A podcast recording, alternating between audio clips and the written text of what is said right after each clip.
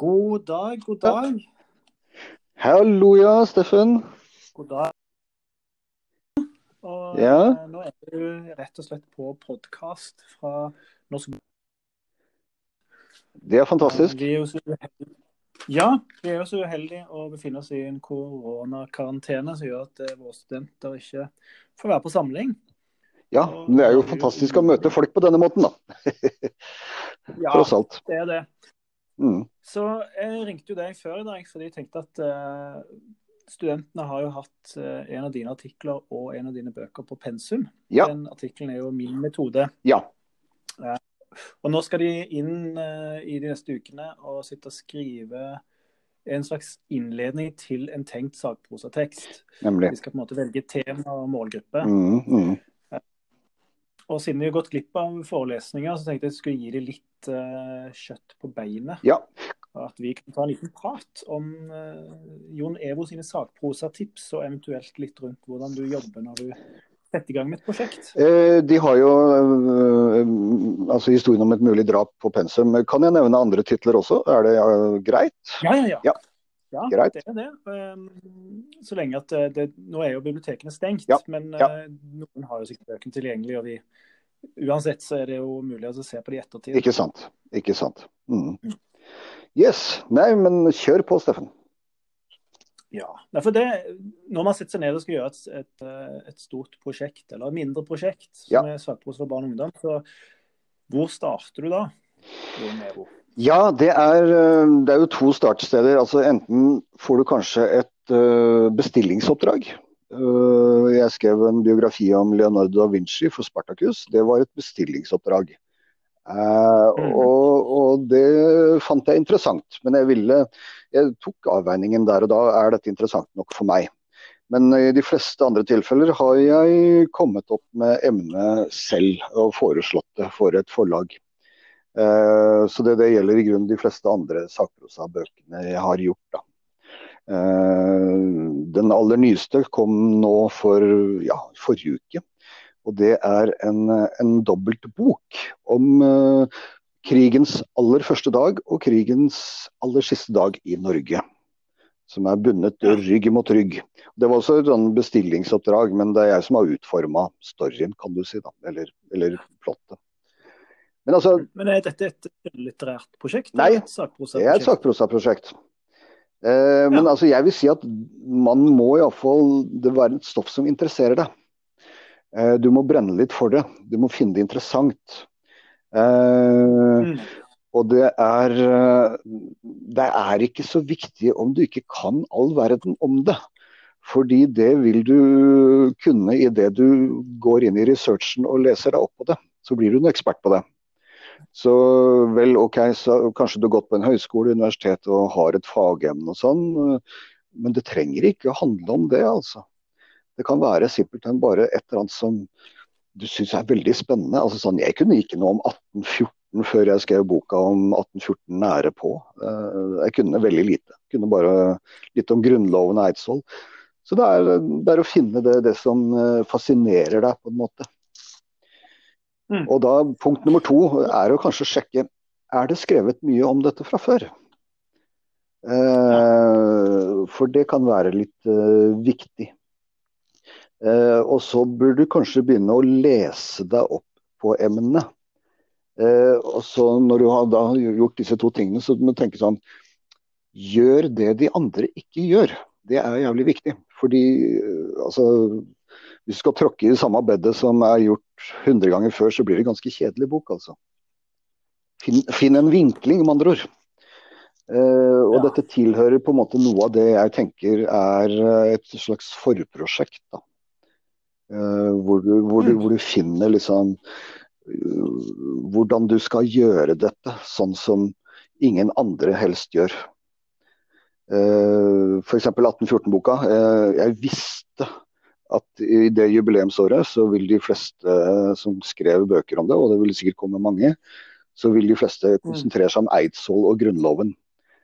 Og med all respekt for det som skjedde der, det er så drita kjedelig for unge mennesker at det, er, det lukter støv lang vei.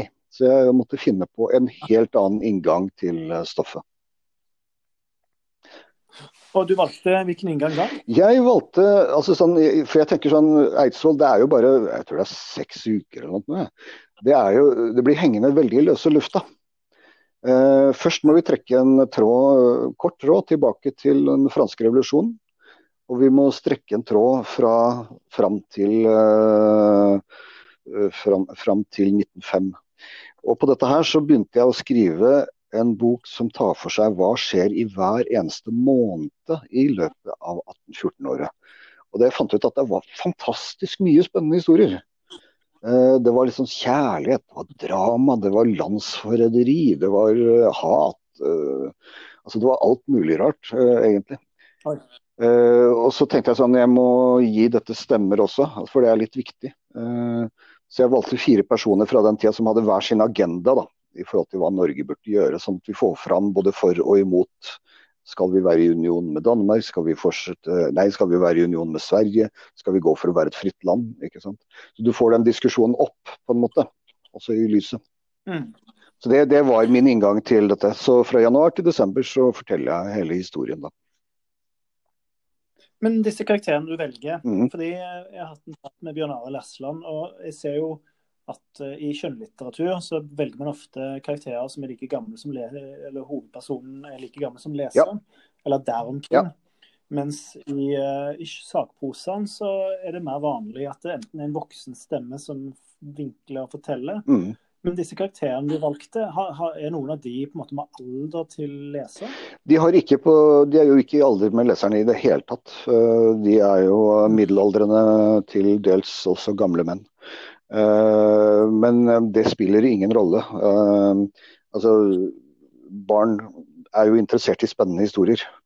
Ikke? Det lurer på hvilken du da velger for å gjøre det interessante? Da? Ja, altså sånn, Postmann Pat er jo en voksen mann, uh, men barn syns fremdeles historiene er gode. ikke sant? Uh, han har riktignok en katt, men altså, det, er, det, er, jo ikke så mange barn i Postmann Pat. Og, og byggmester Bob er en voksen mann. Altså, Det vrimler av voksne mennesker i barnelitteraturen. Uh, sånn at det, det vil være veldig konstruert å putte noen barn inn i den historien faktisk. Så det, det, var helt feil å gjøre det. Eh, og i den boka som er på pensum, 'Historien med et mulig drap', så, så er jo bare hovedpersonen barn en kort tid. Ikke sant? Han er Mesteparten av der så er han jo tenåring og voksen. Så mm. nei, det er ikke noe farlig i det hele tatt. Man må ikke tenke på det. Det er, det er historiens styrke, altså sånn spenningen i det, som er viktig. Og så tenkte jeg på det andre du sa. altså det Trinn 1 velg noe du brenner for. Ja. Uh, men altså, jeg elsker jo dataspill fra 90-tallet. ja. Men, så for eksempel, men det er jo mye nostalgi der. Mm. Men jeg ville vel få et problem å nå unge lesere med det stoffet i dag. Så det er ikke alt som er like, like lett å gjøre både tilgjengelig og interessant? da? Nei, altså her er det fantasien som eventuelt begrenser deg, da, kan du si. Eh, hvis du kunne få fram spennende historier om spillskaperne fra den tida, eh, hva vet jeg, eh, så kan godt hende at det ville også bli levende, en levende bok, altså. Men bare å skrive om dataspill fra den tiden, det, det kan jo bli relativt boring, fordi det er så teknologi som er så like gammeldagse som en telefonkiosk, liksom. Eh, ikke sant? Ja. Eh, men jeg tror det er bare fantasien som begrenser oss når det gjelder å finne innganger.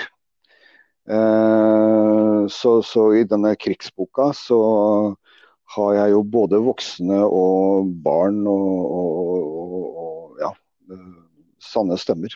Men det er mest voksne. Faktisk levende historiske personer. Og det er spenningen som gjør at det blir nærmest en spenningshistorie. Og det vil, eh, vil barn sette pris på. Ja, jeg plukket opp den Leonardo da Vinci-boken som du gjorde som et bestillingsverk for Spartacus ja, i dag. Ja. Og leste godt inn i den. Mm. Og jeg syns jo det første kapitlet der er jo eh, Det er jo en hva skal jeg si, en, en, eh, det, det, er jo en skjønnlitterær ramme. Ja. ja. Du, du, forteller en historie, en ganske dramatisk hendelse som Leonardo da Vinci er vitne til. Mm. Og det, det er drap på noen kapteiner og noen militærfolk ja. utført av en avskyelig hertug. Ja. Eh, hvor mye faktastoff er det der? Hvor mye fiksjon legger du inn? Altså, hvor... altså jeg, eh, jeg, leser meg opp, og så finner jeg de gode historiene og bruker ofte skjønnlitterære grep for å fortelle dem. Eh, sånn at alle, alle, de historiene som er der, er jo faktabasert. Det har skjedd. Men eh, jeg kan selvsagt ikke vite nøyaktig hva Leonardo tenkte. Eh, og Nei. her er det jævlig viktig, faktisk, å i et etterord da, hvis man gjør sånne skjønnlitterære grep, eh, å skrive at eh, jeg kan selvsagt ikke vite hva vedkommende tenkte og gjorde og sånt. Eller jeg kan vite hva han gjorde, men jeg kan ikke vite hva han tenkte. Eh, og jeg prøvde å gjette meg til motivene. Eh, fordi her er det anmeldere som sitter med lupe og leter etter om du har gått i den fella. Så dette er en pliktøvelse som vi er nødt til å gjøre, faktisk. Eh, å ha med sånne type etterord. Du kan skrive ditt forord og for den saks skyld. Så ikke, aldri, aldri, glem det hvis man skal skrive sakprosa. Hvis du går inn i personers hode og dramatiserer, altså faktisk historiske personer, så må du gjøre dette her, altså. Og du kan bare glemme å søke mm. penger fra Norsk faglitterær forfatterforening hvis du har tenkt å gjøre dette, for de mener at sakprosa skal være helt saklig. Ja, og det er også en sånn diskusjonstema. fordi at det å ha en skjønnlitterær rammefortelling, spesielt tenker jeg for de yngre leserne, så trenger du nesten det for at stoffet skal bli ja. uh, godt inn. Ja, du kan, du kan, faktisk ikke nesten skrive en sakprosabok for unge mennesker uten å gjøre det. Og det skjønner ikke NFF, altså Faglitterær Fattforening. Uh, mm. Så uh, jeg har faktisk bare for en måned siden meldt meg ut av NFF. For Jeg ser ikke noe poeng i å være medlem i en forening som bare støtter voksenlitteratur. Nei. Så jeg mener at de har bare dratt opp stigen og vil støtte sine egne voksenbokfattere. Eh, så det er helt i protest at jeg har gjort dette. Og jeg pleide å få masse stipend av dem før, men uh, fikk aldri mer fordi jeg bruker skjønnlitterære grep. Ja, Det har jeg også hørt fra flere forfattere ja. som uh, ikke får støtte. Prosjektene er gode, men ja.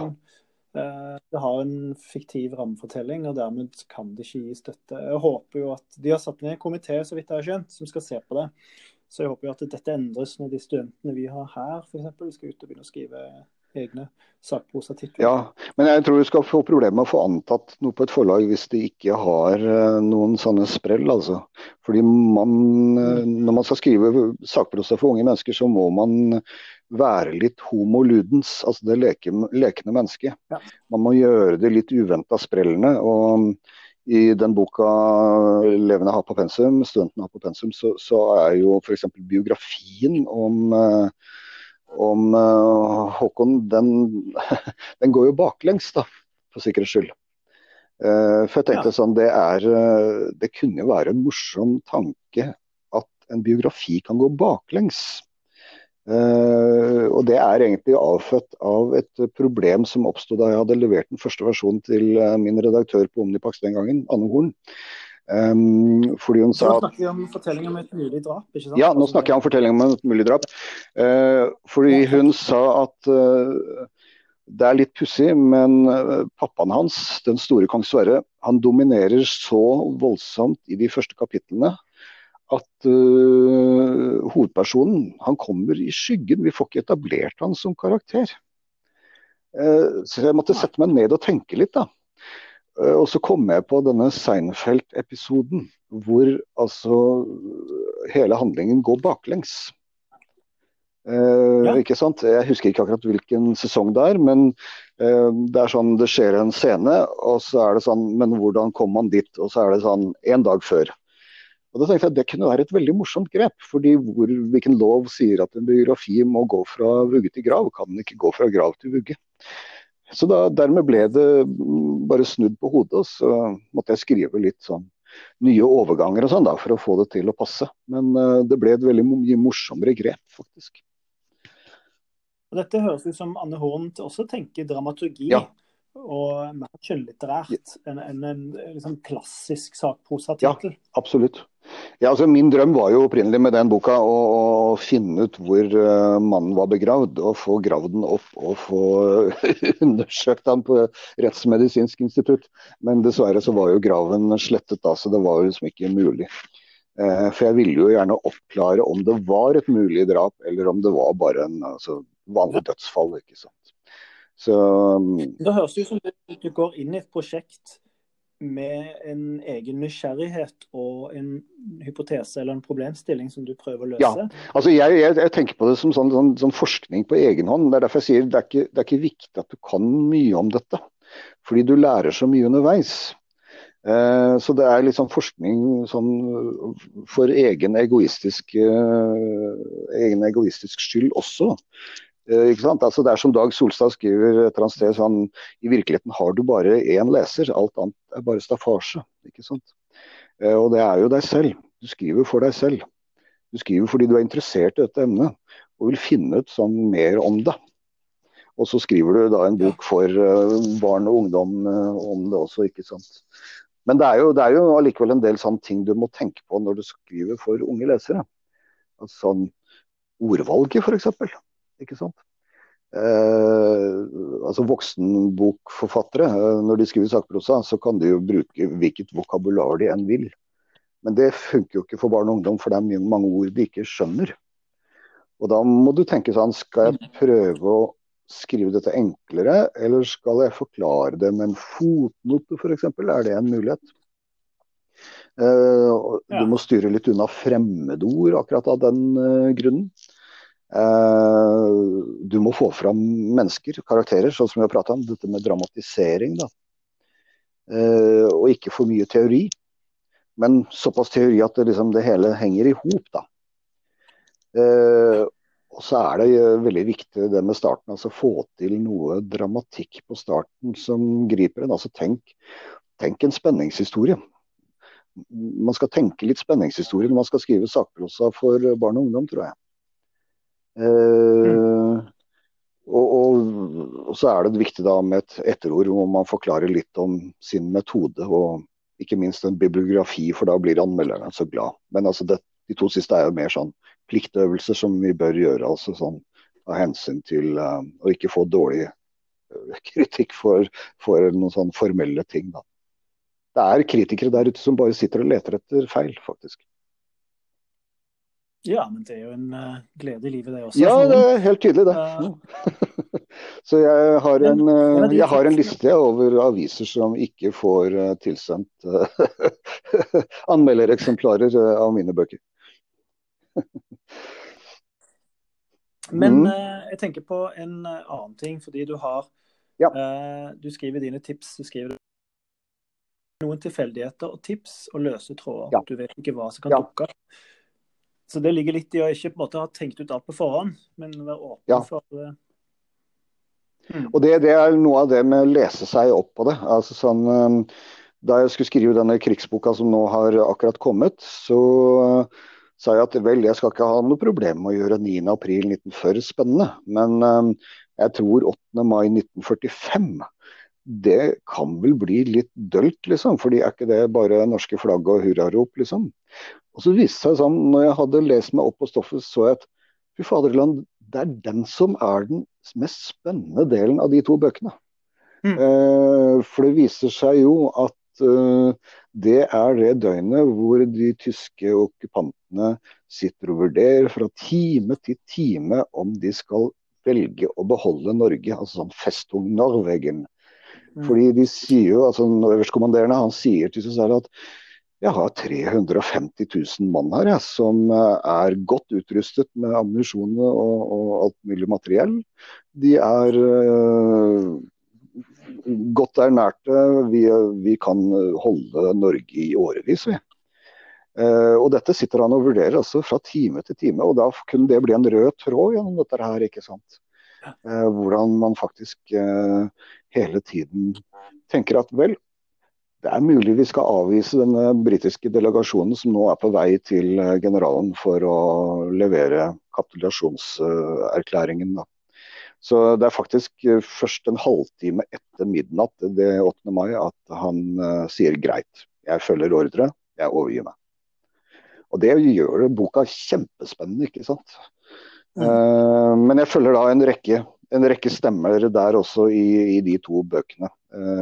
For jeg ville i de to krigsbøkene ha med både heltene, jeg ville ha med vanlige folk, jeg ville ha med fienden, ikke minst hva de tenkte. Jeg ville ha med flere av landsdelene, ikke bare sånn at det skulle bli en sånn Oslo-Østlandet-bok, liksom. Jeg ville ha med barn og voksne osv. Så, videre, og så, videre. så um, det har blitt en veldig, to varierte, veldig varierte bøker, faktisk. Supert. Ja. Det jeg tenker også er jo uh, like interessant eh, hva man ikke skal gjøre. Mm. Altså Er det noen sånne bommerter eller ting du har tenkt at altså, Ting du har lært noe av, da? Ja, det er uh, viktig med kilder, da. Uh, tidlig i mitt sakprosafatskap så uh, brukte jeg et par ganger kilder som viste seg å være helt utdaterte. Ja. og Derfor viser det seg at det er veldig viktig med eksperter som kan si deg hva, hva er det nyeste på området. Hva, hva, er det nyeste og mest sånn oppdaterte stoffet? Sånn at du slipper å lese masse drøv som eh, faktisk ikke lenger stemmer i det hele tatt. Uh, og ikke minst så bør man insistere på å ha en fagkonsulent hvis et forlag uh, biter på og vil ha dette her. Det er alfa og omega. Fordi vedkommende kan rydde opp i ting, altså. Og Det vil jo si at vi eh, får jo avkorta sakprosa royalty med 2% fra forlagene. Ja, det, men, mm. men her, her, er det så viktig å få rydda bort alle de dumme feilene. og eh, De fagkonsulentene de klarer det som regel hvis du har plukket en eh, god en. da. Eller forlag, ja. Mm ja. siden forlaget allerede tar seg betalt for det, ja. så kan du kreve at du bruker faktisk har en fagkonsulent. Ja, absolutt. Så jeg har flere ganger fått uh, eh, retta opp ting som viser seg å være riv ruskende gærne. Eller ting som man har misforstått, eller et eller annet, liksom. Uh, og det er um, altså særlig på disse krigsbøkene så, så, er det jo skrevet veldig mange versjoner av sannheten. Og hvilken stoler vi på nå i, i 2020, ikke sant. Hmm. Og Du husker jo selv, jeg skrev jo om eh, korsfarerne i Fakta. Ja, stemmer det. Stemmer det. Og da forholdt vi til ting som ikke var allerede, de hadde ikke blitt publisert engang, men det var nyere forskning på Saladin bl.a. Utgjort ja. av en del nye kildelesninger. og Den gangen så var jo Syria ikke som Syria nå. Så det var mm. en del eh, fagkollegiesamarbeid som jeg, jeg, fulgte en del forelesninger på nett. og jeg leste meg opp. Så når boka kom ut, så hadde jeg på en måte forholdt meg til det synet man hadde på Saladin i dag. Og da reagerte ja. jeg på en anmeldelse i Ny Tid, tror jeg, som hadde litt sånn gammeldags syn på hvem Saladin var. Han var jo ja. pragmatiker. Han var jo ikke ja. en humanist. Altså, man har jo bytt, sett litt annerledes på det i dag. Mm. At en ting er slapp jo lot folk fra Jerusalem dra, uh, uten å slakte ned hele befolkningen. Men samtidig hadde han jo drept 20 000 som han holdt i fangenskap noen uker før, f.eks. Altså, ja, men at uh, selv kritikere og verden må jo overbevises når det kommer ny forskning. Så det, det er også en risk, da. Det, det, er det. og Man kan ikke ta høyde for at anmeldere ikke er oppdatert på stoffet. Altså det, sånn er det. Liksom, man kan selvsagt skrive til eh, avisen eller dette stedet og, og komme med en rettelse. Eh, men man blir jo veldig fort oppfatta som surmaga. da. Altså, tåler ikke kritikk, liksom. Eh, så antagelig skal man ikke bry seg så mye om det. Man har levert antagelig en jævlig god bok. Eh, og det skal man være veldig glad for. Simpelthen. Så tenker man at Hvis man skal skrive om astronomi, så vet man liksom at Pluto Pluto ikke lenger er en planet. Ja. Det er jo der det seg mye. Ja, ja, ja, Men altså, av og til så vil det dukke opp feil allikevel, altså. Uh, sånn som i Shakespeare-biografien min. Han hadde jo en, en kollega, eh, Christopher Marlowe, som døde ganske ung. Eh, et eller annet sted der så presterer jeg å skrive Robert Marlowe, som jo er helten I en av disse hardkokte krimromanene. Jeg husker ikke om det er Dashiell. Hammett eller Chandler, men, um, men uh, ingen så det. Uh, altså sånn, Jeg så det ikke. Uh, fagkonsulenten så det ikke. Redaktøren så det ikke. Språkvaskeren så det ikke. Og anmelderne så det ikke. Så det, det, er sånn, Av og til så, så, går ting hus forbi. Jeg ser det nå, og det irriterer jo vettet av meg, for det står jo der svart på hvitt. Men uh, av og til så blemmer man på sånne dumme ting. da. Ja. Men, men. Sånn, sånn er det. Du tenker som japanerne ikke at det skal være en imperfeksjonisme, ikke helt perfekt? Ja, altså Anne Horn sa jo en gang at han, hvis du finner en bok som er perfekt, så har man jobbet for mye med den. Ja. Simpelthen. Ja. Men du Jon. Eh, ja. Vi kommer til å ha mer med deg å gjøre neste år. Du blir jo en av veilederne som skal veilede studentene i gruppa. Ja, det gjør vi. Og da håper vi at koronaen er overstått. Simpelthen. Ja, det regner jeg med. Og det kan ja. hende at det dukker opp noen som skal skrive sakprosaprosjektet også. Så da Hadde vært veldig hyggelig. Mm. Mm -hmm. ja. Men du, da sier jeg ja. tusen takk for samtale. Ja, bare hyggelig. Og lykke til med karantene og alt til alle som hører dette. OK. Ja. okay. Mm, ha det bra, da. Ha det.